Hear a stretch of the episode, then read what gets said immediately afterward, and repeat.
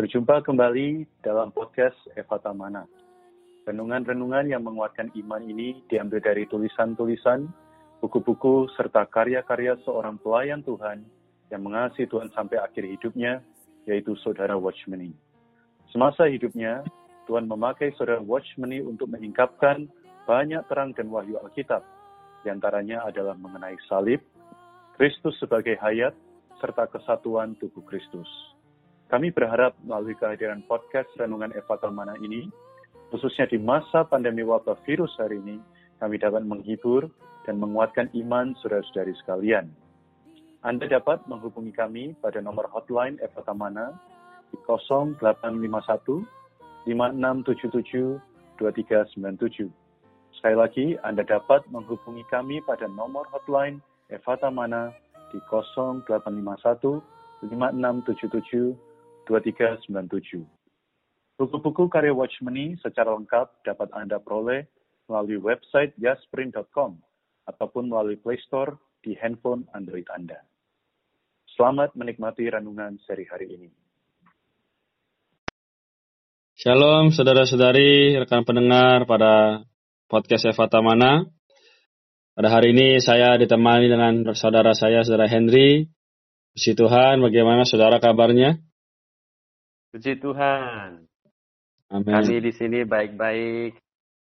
Kita bersyukur kepada Tuhan. Kita Amin. kembali lagi melalui program Evata Mana ini Iya. bisa mendengarkan satu suplai firman yang menguatkan dan menyegarkan roh kita. Haleluya. Puji Tuhan. Dari seminggu yang lalu juga kita sudah berbicara dengan saudara Henry.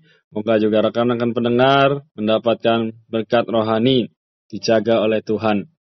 Baik, Amin. Kita akan memasuki di sini berita mengenai doa yang kita cuplik dari buku Doa Kuasa oleh saudara kita.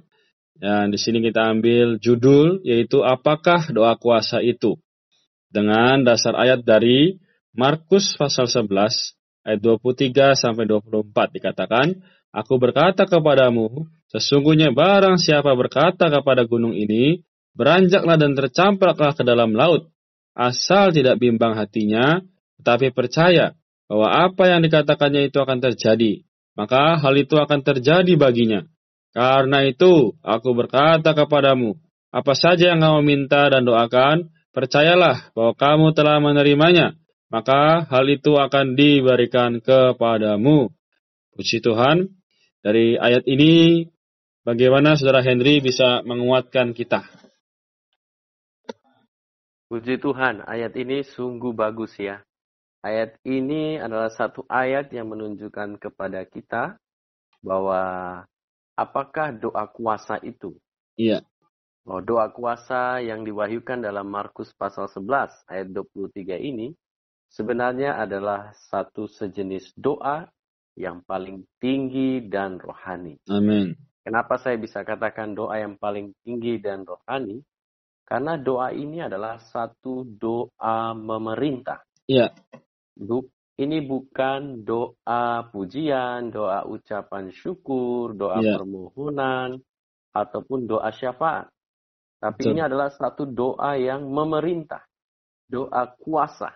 amin. Karena itu di sini kita melihat Tuhan memerintahkan kita untuk berkata kepada gunung, Mm-mm. beranjaklah dan tercampaklah ke dalam laut. Iya, Artinya kita dengan kuasa Tuhan, kita katakan kepada gunung itu agar gunung itu beranjak dan tercampak ke dalam laut. iya, Karena itu sebagai orang Kristen, kita perlu menjadi pendoa-pendoa yang berdoa dengan kuasa. amin. Karena situasi hari ini Allah perlu pendoa-pendoa yang berdoa dengan kuasa.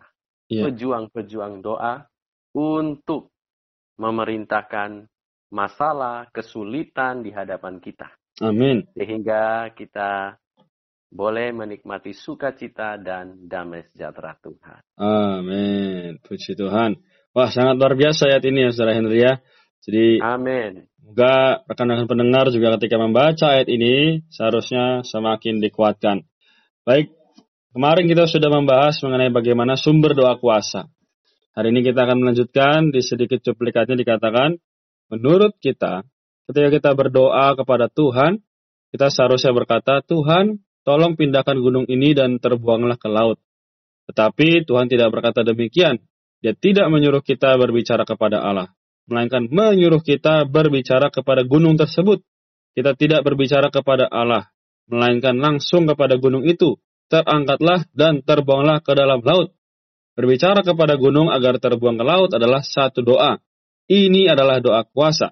Doa kuasa tidak meminta Tuhan melakukan sesuatu, melainkan menggunakan kuasa Allah untuk mengatasi masalah dan hal-hal yang perlu disingkirkan. Doa sedemikian adalah doa para pemenang. Puji Tuhan.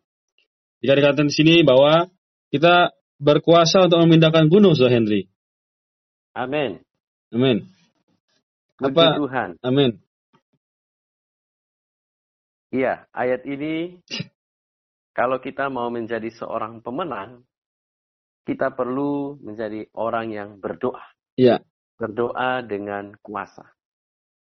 Karena kalau kita tidak memiliki iman yang kuat, lalu kita berdoa, maka kita tidak akan mendapatkan faedah apa pun. Hmm. Karena itu saudara-saudari, bagi kita semua yang ingin menjadi para pemenang, yeah. kita perlu menjadi pejuang-pejuang doa. Kita perlu belajar berdoa dengan kuasa. Amin. Karena itu dalam hal ini kita perlu nampak satu hal bahwa Tuhan itu sudah menang. Iya. Yeah. Tuhan itu sudah menang. Karena itu kita sebagai gerejanya berdiri di atas kedudukan kemenangan Tuhan. Berdiri di atas kenaikan Tuhan yang melampaui segala penguasa dan pemerintah di angkasa. Hmm. Kita berdoa. Artinya, ketika kita berdoa dalam kedudukan ini, di hadapan Allah, maka puji Tuhan. Ya. Iblis ada di bawah kita. Amin. Maka iblis dapat kita perintahkan. Karena baru-baru ini uh, kami di Kupang juga berdoa selama 21 hari setelah 21 hari kami berdoa, musuh bekerja. Iya. Jadi ada salah satu saudari dia kerasukan setan. Karena itu syukur pada Tuhan kita mengaplikasikan, kita menerapkan doa kuasa ini. Bahkan kita puasa untuk mengusir setan ini. Iya. Karena ketika kita berdoa, kita tahu bahwa di langit sedang terjadi satu peperangan. Iya. Doa kuasa ini adalah doa peperangan rohani. Iya. Karena itu, puji Tuhan, berdasarkan Matius 18 ayat 18, Tuhan berkata, apa yang kamu ikat di dunia ini akan terikat di surga. Amin. Apa yang kamu lepaskan di dunia ini akan terlepas di surga. Karena itu, di sini dari ayat ini kita melihat bahwa surga bergerak berda, eh, berdasarkan pergerakan gereja di bumi. Amin. Kalau gereja tidak berdoa, maka uh, di surga tidak ada yang bisa diikat. Yeah. Karena itu syukur pada Tuhan kita berdoa, kita mengikat setiap pekerjaan musuh, kita menghancurkan setiap pekerjaan dan aktivitas musuh, yeah. sehingga puji Tuhan ya saudari ini boleh dilepaskan. Ya. Amin. Amin dari kuasa kegelapan. Amin. Sungguh satu kesaksian yang sangat memberkati kita lanjutkan sedikit ya, saudara-saudari. Apa artinya gunung dalam ayat ini? Gunung mewakili kesulitan-kesulitan yang menghadang di tengah perjalanan kita. Adalah perkara-perkara yang menghalangi jalan sehingga kita tidak bisa lewat. Ada perbedaan yang sangat besar antara mohon Allah menyingkirkan gunung dengan memerintah agar gunung itu tersingkir. Doa kuasa adalah doa yang di dalamnya kita berbicara kepada apa saja yang menghalangi kita agar pergi. Kita dapat berkata kepada temperamen kita, enyahlah, juga kepada penyakit kita, tinggalkan aku. Padaku ada hayat kebangkitan Tuhan, dan oleh hayat ini aku mau bangkit. Perkataan ini bukan ditunjukkan kepada Allah, melainkan langsung kepada gunung. Terangkatlah dan terbuanglah ke dalam laut, inilah yang disebut doa kuasa. Kalau tadi saudara Henry bersaksi bahwa ada seorang saudari yang kerasukan, itu berarti iblis tidak senang, dia ingin menghalangi kita, namun tadi ada aplikasinya yaitu dia terus berdoa dengan cara mengusir dengan cara memerintah iblis untuk keluar. Ya, Saudara Henry benar demikian? Puji Tuhan. Ya, di melalui sharing hari ini, Saudara Henry apa yang bisa disimpulkan? Ya, Jadi dalam doa kuasa ini kita boleh membaginya menjadi dua aspek. Aspek pertama adalah mengikat. Ya. Aspek kedua adalah melepaskan. Amin.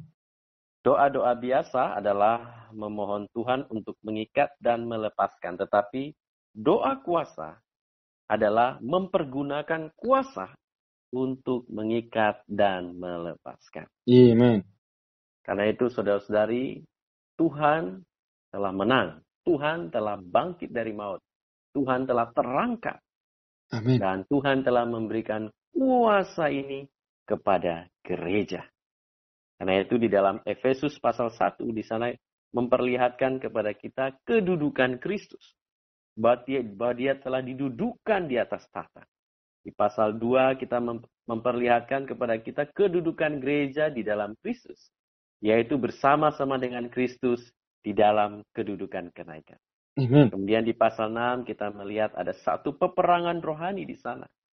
Inilah aplikasinya di mana gereja berkedudukan bersama dengan Kristus di surga untuk berperang ya, untuk melawan segala tipu muslihat iblis. Ya, betul. Karena itu saudara-saudari sebagai gereja apalagi di masa-masa pandemik ini Iya, kita perlu berdoa.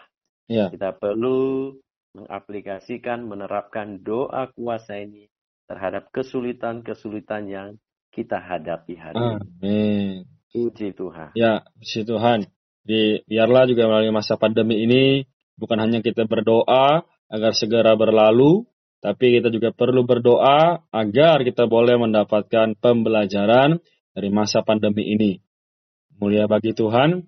Mungkin Saudara Henry boleh tutup kita dengan doa. Amin. Mari kita berdoa.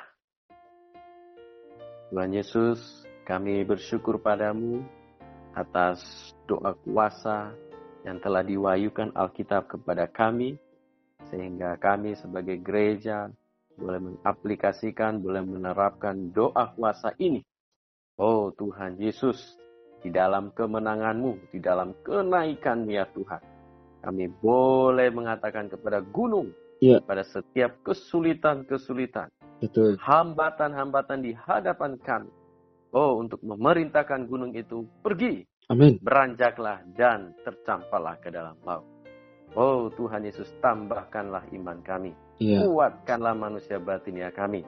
Sehingga kami semua boleh menikmati sukacita dan damai sejahteramu. Tidak Amin. peduli situasi dan kondisi apa pun. Terima kasih Tuhan, inilah doa dan permohonan kami. Di dalam namamu kami telah berdoa. Amin. Puji Tuhan, Saudara Henry, terima Puji kasih Tuhan. Atas waktunya. Semoga saudari rekan pendengar Evata mana ini juga semakin dikuatkan dan diteguhkan. Sekian podcast Renungan Eva Tamana pada hari ini. Kami akan hadir kembali pada seri berikutnya. Jika saudara-saudari ingin mendapat pelayanan doa dan konseling, Anda dapat menghubungi nomor kami pada 0812 155 7000. Sekali lagi, 0812 155 7000. Kasih karunia Tuhan Yesus Kristus menyertai kita semua.